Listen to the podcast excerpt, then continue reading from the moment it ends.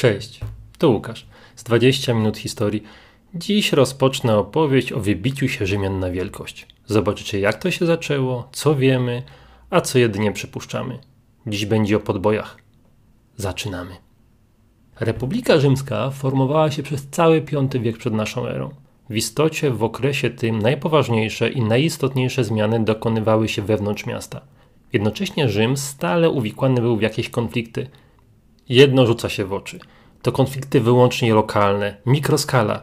Rzymianie operują w zasadzie wyłącznie wokół swego miasta. Pamiętacie może, jak w pierwszym odcinku podcastu opowiadałem wam o Italii, o tym, że stanowiła ona istny konglomerat różnych ludów, plemion i plemionek. Te plemiona stale ze sobą rywalizowały. W kotle woda stale wrzała. Taki był po prostu świat. Był on przesycony brutalnością, przemocą i walką. Sposobem na przetrwanie, oprócz rolnictwa, były po prostu wyprawy rabunkowe na ziemię sąsiadów. Jakby tego było mało, na początku V wieku rozpoczynają się wędrówki ludów oskijskich, italskich górali wzdłuż Apeninów. Jak każde migracje ludu powodują reakcję łańcuchową. Jedni napierają na drugich, jedni przychodzą, inni odchodzą, jest coraz mniej miejsca, dochodzi do walk. A w środku tego italskiego buta był Rzym – Oczywiście chcąc nie chcąc, uczestniczył w tych awanturach, raz zyskując, raz przegrywając. Ani mentalnościowo, ani cywilizacyjnie Rzymianie od sąsiadów się nie różnili.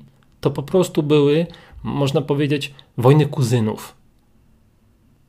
Rzym leżał na ziemiach zamieszkiwanych przez plemiona latyńskie. W istocie sam był miastem latyńskim, zamieszkiwanym i założonym przez ludność wywodzącą się z Latynów. Od języka Latynów wzięła się łacina, latin. Plemiona te tworzyły położone wokół Rzymu miasta państwa, które zorganizowane były w konfederację, tzw. Tak Związek Latyński. Jak to zwykle bywa, pierwsze konflikty są właśnie z tymi, co są najbliżej. Po wojnach Rzymianie zdołali się jednak ze Związkiem Latyńskim dogadać. Zawarli sojusz wojskowy o wzajemnej pomocy na zasadach trochę takich jak dziś zasady NATO – to znaczy, że jak jeden zostanie zaatakowany, wszystkie pozostałe strony wyślą całe wojsko na pomoc. Jako datę tego sojuszu wskazuje się najczęściej 493 rok przed naszą erą. Rzym zyskał tu tanią osłonę, wzmacniał swoje bezpieczeństwo wobec naporu innych plemion. Widać tu trzeźwość Rzymian, wiedzieli, że sami na wiele sobie pozwolić nie mogą.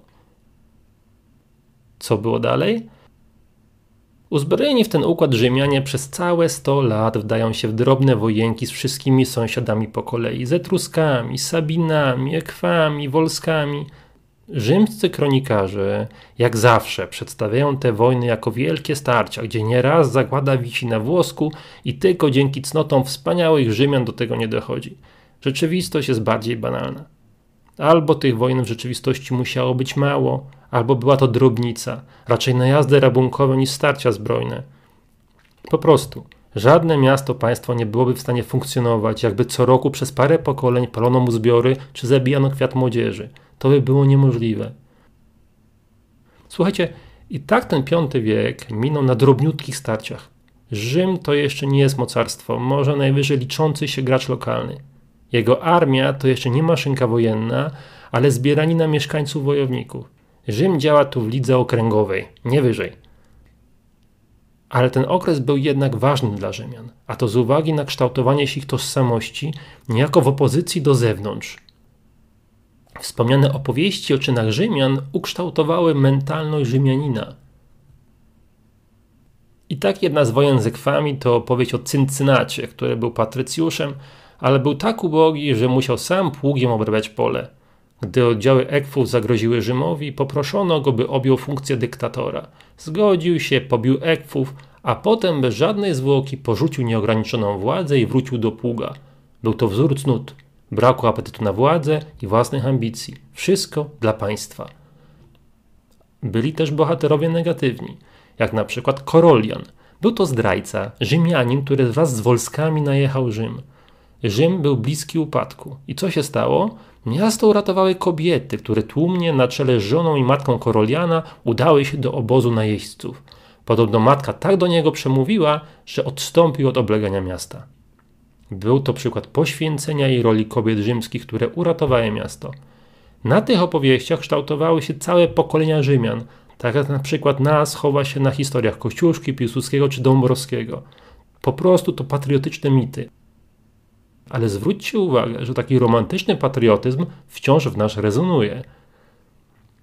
I tak ten piąty wiek minął, tak trochę na lokalnej beznadziei.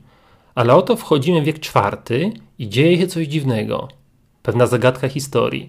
Na początku IV wieku Rzymianie operują wyłącznie wokół miasta i terenów przylegających. Na końcu tego wieku operują już zaś na samym dole obcasa włoskiego buta. Są już w innej lidze. To już nie okręgówka. Co się stało?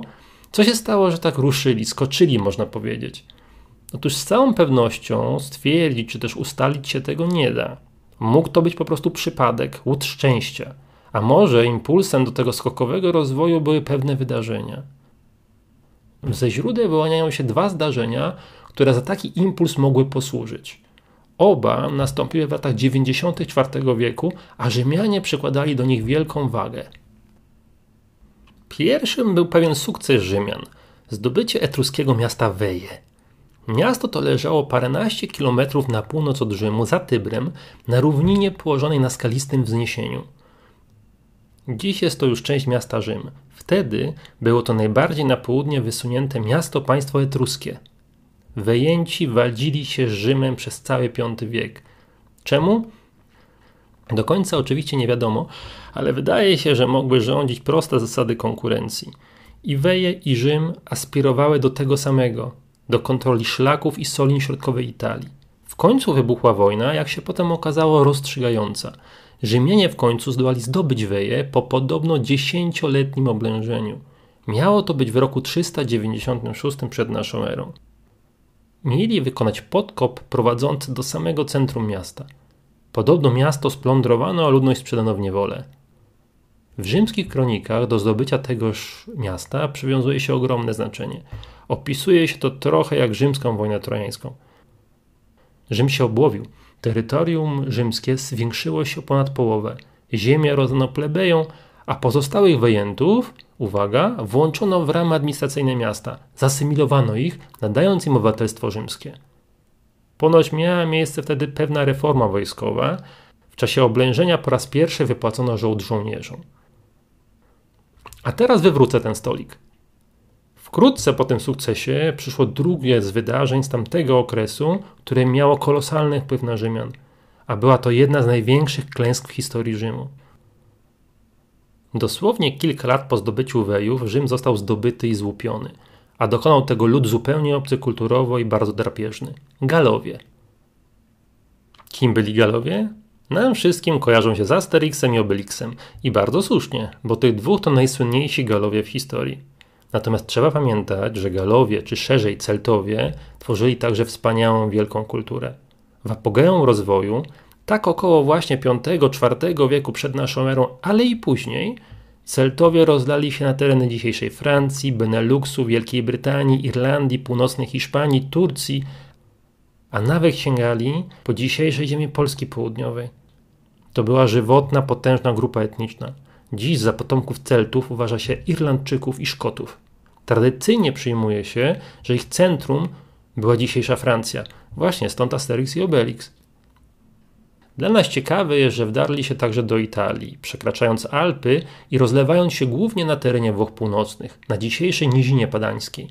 Wtedy Italia sięgała po rzekę Pad. Wyżej to już nie Italia, to Galia, Liviusz pisze dość romantyczną wersję, że Galów do Italii ściągnęło m.in. wino, że zanim najechali Rzym, napływali do Italii od 200 lat, tocząc walki z Etruskami.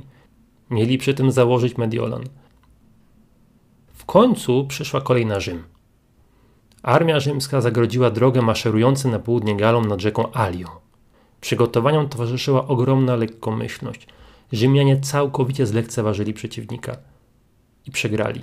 Wojska rzymskie uciekły, zamykając się w niedawno zdobytych wejach. Droga do Rzymu stała otworem.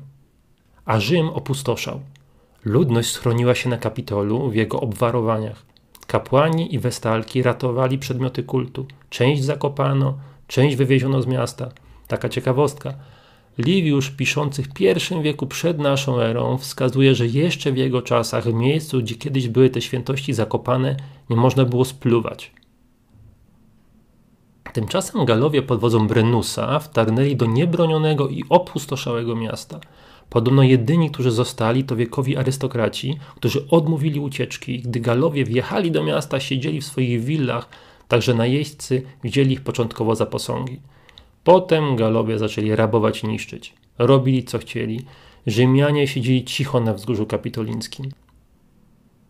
To właśnie wtedy, w nocy, gdy Galowie spróbowali zdobyć wzgórze, obrońców miały zaalarmować swym gęganiem gęsi, które przybywały w świątyni i były poświęcone Junonie.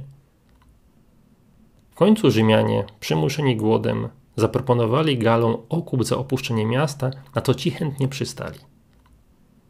Podobno w czasie ważenia złota okazało się, że Galowie posługują się sfałszowanymi ciężarkami. Gdy Rzymianie zaprotestowali, wódz Galów Brennus miał rzucić na wagę swój miecz i krzyknąć biada zwyciężonym, vae victis. Potem Galowie wzięli okup i opuścili miasto. Słuchajcie, historia obrosła tu legendami. Widać tu nawet po tym vae victis. Przecież Brennus raczej nie mógł krzyknąć tego po łacinie, bo nią nie władał – jak już to zawołał w jakimś dialekcie galijskim. Ciężko tu oddzielić baśnie od historycznej prawdy, ale samo zdobycie Rzymu przez Galów było faktem. Prawdopodobnie nie był to najazd całego ludu na Rzym. Nie było to starcie cywilizacji, ale po prostu rajd rabunkowy dość silnej armii, która doszła do środkowej Italii i co za tym idzie do Rzymu. To by tłumaczyło, dlaczego Rzymianie nie gotowali się specjalnie do odparcia najazdu. Albo dali się zaskoczyć, albo być może wierzyli, że pójdzie łatwo z bandą rabusiów. Okazało się jednak, że ta banda dała armii rzymskiej łupnia, że dumni żołnierze republiki pouciekali. Ale wyobraźcie sobie, oto Rzymianie stale wojują, ale z ludami znanymi, sobie podobnymi, a tu nagle spotykają ludzi zupełnie różnych. Dla nich zupełnie dzikich, a przy tym świetnych wojowników. Powodowało to przerażenie, a od tego to już tylko krok do paniki i ucieczki. Jest też teoria, że byli to najemnicy na żołdzie króla Syrakus, podążający na południe na Sycylię. To także mogłoby tłumaczyć porażkę nad Alią. Rzym zagrożenie zlekceważył, a tu na armię obywatelską ruszyli starożytni komandosi. Słuchajcie, wtedy to jeszcze nie była rzymska maszynka wojenna, tylko armia zorganizowana na zasadzie pospolitego ruszenia, milicji obywatelskiej. Teraz zwróćcie uwagę, co się stało. Mamy początek IV wieku i miasto jest zrabowane i w jakimś stopniu pewnie zniszczone. Zamiast pogrążyć się w maraźmie, jednak wstaje i na końcu tego wieku będzie kontrolować całą Italię. Pytanie, co sprawiło, że Rzymianie ruszyli z takim rozmachem? Czy te dwa dla Rzymian epickie wydarzenia miały tu jakąś rolę? Jak wspomniałem, do końca nie wiadomo, możemy się tylko domyślać, wnioskować ze skutku na przyczynę. Na pewno najazd Galów miał znaczenie psychologiczne. Dla Rzymian, rzymskich pisarzy to była katastrofa. Rzymianie mieli od tej pory kompleks Galów, kompleks tego najazdu. Rzymianie byli narodem pragmatycznym. Nie jest możliwe, aby z takiej nauczki nie wyciągnęli lekcji. Faktycznie, zaraz po tym najeździe zbudowali mury z kamienia, których zresztą część istnieje do dziś. Może, może Rzymianie wówczas powiedzieli, nigdy więcej ale zastanawiam się, czy aby bardziej kluczowe nie było tu zdobycie wejów. Oto nazwijmy ją klęska galijska dała pożywkę strachowi. Mogła być ostrzeżeniem, że nieco dalej są ludy, które mogą stanowić zagrożenie. Zdobycie wejów natomiast dało baterię do wielkości. Jak czytałem o zdobyciu wejów, to miałem takie skojarzenie, że przez podporządkowanie sobie tego miasta Rzymianie jakby wyciągnęli korek, który blokował ich rozwój. Oto upada potężne, wyżej kulturowo stojące miasto etruskie. Potężny, trzymający Rzymian za ręce sąsiad i konkurent odpada. Jednocześnie zwiększyło się terytorium, a zatem zwiększyły się zasoby, także żywnościowe. Pozostałą ludność Wejów włączono w administracyjne ramy Rzymu, zasymilowano ją, co podreperowało ilość mieszkańców, siłę żywą miasta. A potem następuje upadek. Po upadku trzeba jednak wstać. Zasoby, by się ponownie zorganizować oraz siłę ludzką ku temu potrzebną, może dały m.in. Weje właśnie. Nie wydaje mi się przy tym, aby miasto aż tak zostało zburzone, jak opisują to kronikarze. Jakby tak było, rzymskie wojska nie schroniłyby się tam po przegranej bitwie z Galami. W pewnym sensie można sobie wyobrazić, że świeżo zdobyte zasoby wejów mogły posłużyć jako swego rodzaju kroplówka dla Rzymu, które teraz pomogły mu wstać na nogi. Poza tym pomyślcie o postawie plebejuszów, którzy wówczas stanowili trzon armii. Jak w przypadku każdego najazdu, najbardziej cierpią masy. A tutaj sytuacja jest taka. Przez Galów straciliśmy, ale kilka lat wcześniej mieliśmy rozdział zdobytej na wyjach ziemi. Oto masy mogły powąchać korzyści z polityki podbojów. Jednocześnie stale postępują reformy wewnętrzne, równouprawnienie plebejuszy. I nagle rodzi się stan, że oto plebeje są obrabowani, na skraju bankructwa, ale jednocześnie dostają coraz to nowe prawa polityczne, a oprócz tego mają przykład sprzed dosłownie kilku lat, jak łatwo można się dorobić, poprawić swą trudną majątkową sytuację. Jakie mogły być reakcje mas? Po prostu, jest źle, no to jazda na sąsiadów. To rzecz jasna moje gdybania, trudno orzec jakie były nastroje, ale ta teoria zdaje się ludzkiej naturze odpowiadać. Przy tym trochę przypadkowo rzymska armia zyskała patent na długie kampanie. Właśnie ów żołd dla żołnierzy, który po raz pierwszy miano wypłacić pod wejami. Pamiętajcie, że to początek IV wieku przed naszą erą. Pomysł, by płacić swoim obywatelom za walkę w obronie plemienia był nowatorski. Oto zaczyna się zawodowa armia rzymska.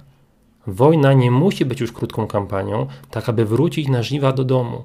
Można walczyć dłużej. Pomyślcie, jeśli inni tego nie wprowadzili, to dawało wojskom rzymskim ogromną przewagę. Rzymianie mogli walczyć długo, innym się śpieszyło do żniw. W obcych wojskach już wrzało, były naciski żołnierzy, by kończyć, by wracać, by oprzeć pola. To sprzyja błędom. A Rzymianie nie. Mogą walczyć dłużej, a nawet lepiej, bo o żołd łatwiej niż utrzymać się ze sprzedaży płodów rolnych. Dziś trudno powiedzieć, jak było naprawdę. Może powyższe zdarzenia miały znaczenie, może nie. Może to wszystko po prostu przypadek, ale za 80 lat Rzym kontrolował już cały półwysep.